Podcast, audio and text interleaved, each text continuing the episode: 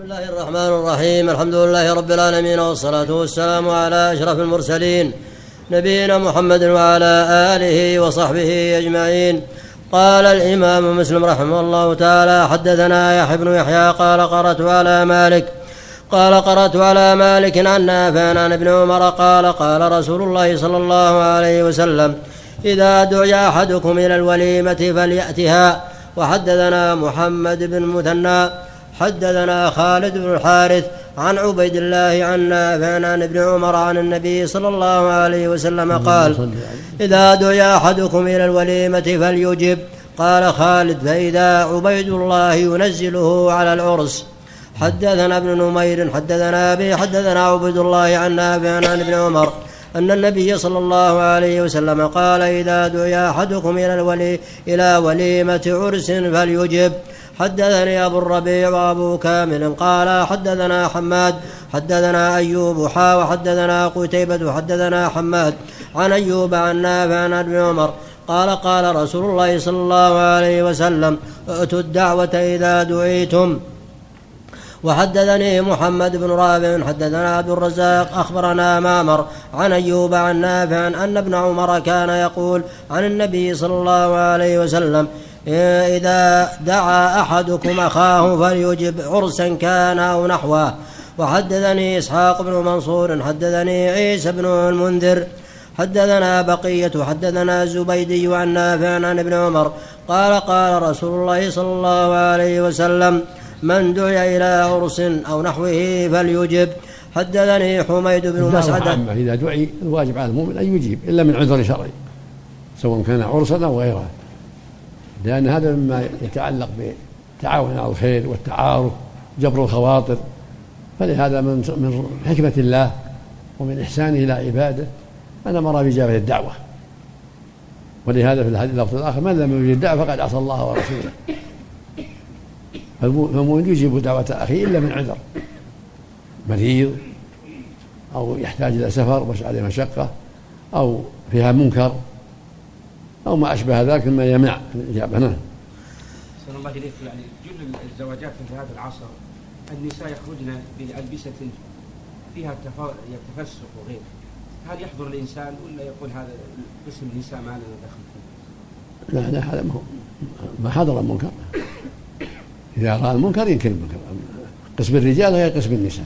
لكن يقول يجيب إذا يجيب وينكر المنكر رأى منكرا. فإن لم يزول المنكر له الخروج عذر له. وإلا فليجب وليزيل المنكر. نعم. نعم. نعم.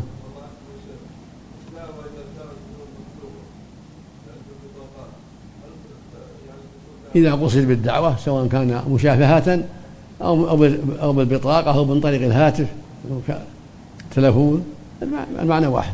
نعم. وحدثني هارون بن عبد الله وحدثني هارون بن عبد الله حدثنا حجاج بن محمد عن ابن جريج أخبرني موسى بن عقبة عن نافع قال سمعت عبد الله بن عمر يقول قال رسول الله صلى الله عليه وسلم أجيب هذه الدعوة إذا دعيتم لها؟ قال وكان عبد الله بن عمر يأتي الدعوة في العرس وغير العرس ويأتيها وهو صائم. وحدثني حرملة بن يحيى أخبرنا ابن وهب حدثني عمر بن محمد عن نافع عن ابن عمر أن النبي صلى الله عليه وسلم قال إذا دعيتم إلى كراع فأجيبوا. وحدثنا محمد بن المثنى حدثنا عبد الرحمن بن مهدي حا وحدثنا محمد بن عبد الله بن نمير حدثنا أبي قال حدثنا سفيان عن أبي الزبير عن جابر قال قال رسول الله صلى الله عليه وسلم إذا دعي أحدكم إلى طعام فليجب فإن شاء طعم وإن شاء ترك ولم يذكر ابن المثنى إلى طعام. وحدثنا ابن نمير حدثنا أبو عاصم. يجيب الدعوة. إذا بعد الحاجة يعتذر يعتذر. عن الأكل أو صائم يقول إني صائم يدعو لهم ويعتذر. المهم يجيب دعوته ويجبر خاطره فإذا كان له حاجة في الطعام أكل وإلا طلب المسامحة. وإن كان صائم أخبر إني صائم. نعم. نعم.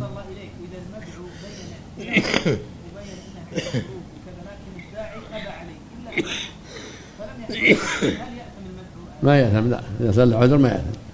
نعم.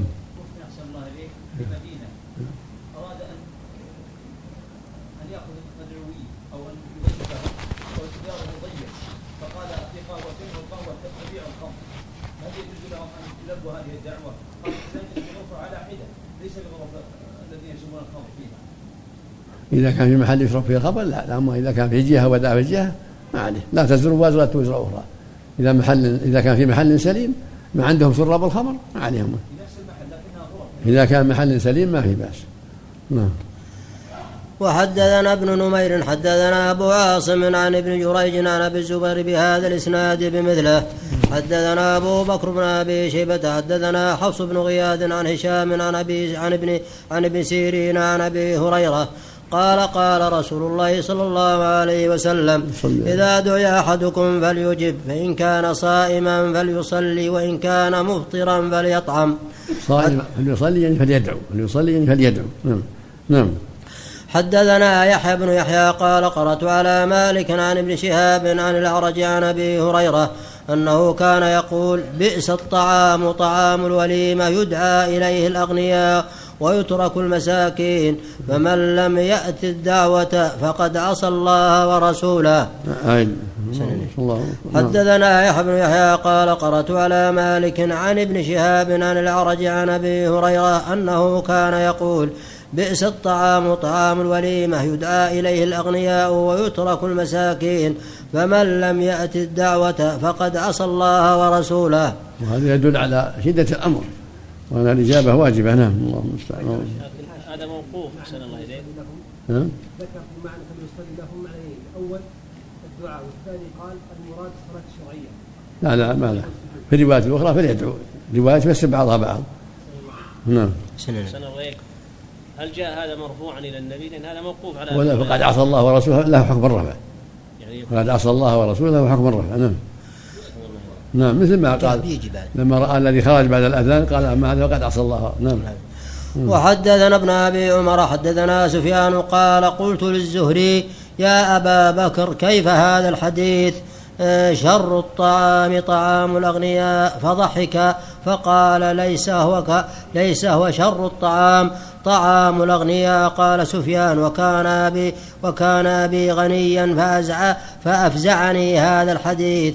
حين سمعته فسألت عنه الزهرية فقال حدثني عبد الرحمن الأعرج أنه سمع أبا هريرة يقول شر الطعام طعام الوليمة ثم ذكر بمدر حديث مالك. والمعنى طعام الوليمة اللي يمنعها الفقراء ما يدعى ما يدعى إليها إلا الأغنياء يعني هذا مراده. يعني إن الداعي ينبغي يدعو إخوانه وجيرانه الأغنياء والفقراء ما يخص الأغنياء فقط. إذا كان عنده وليمة يدعو إخوانه وأقاربه وجيرانه من أغنياء وفقراء. لا يخص الأغنياء نعم. ما ينبغي هذا. الذي يظهر لنا أنها تكون وليمة عامة. نعم.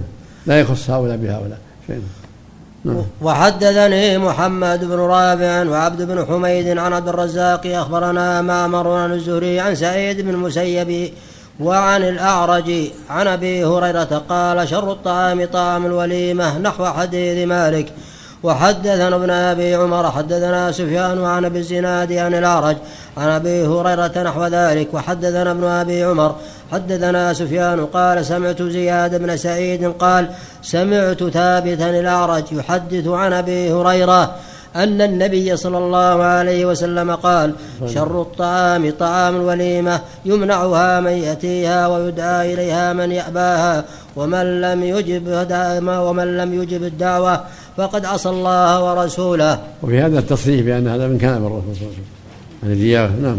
اللهم صل عليه نعم.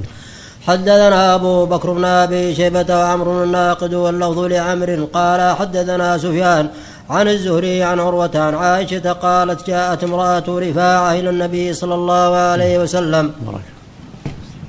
اللهم صل وسلم على رسول الله.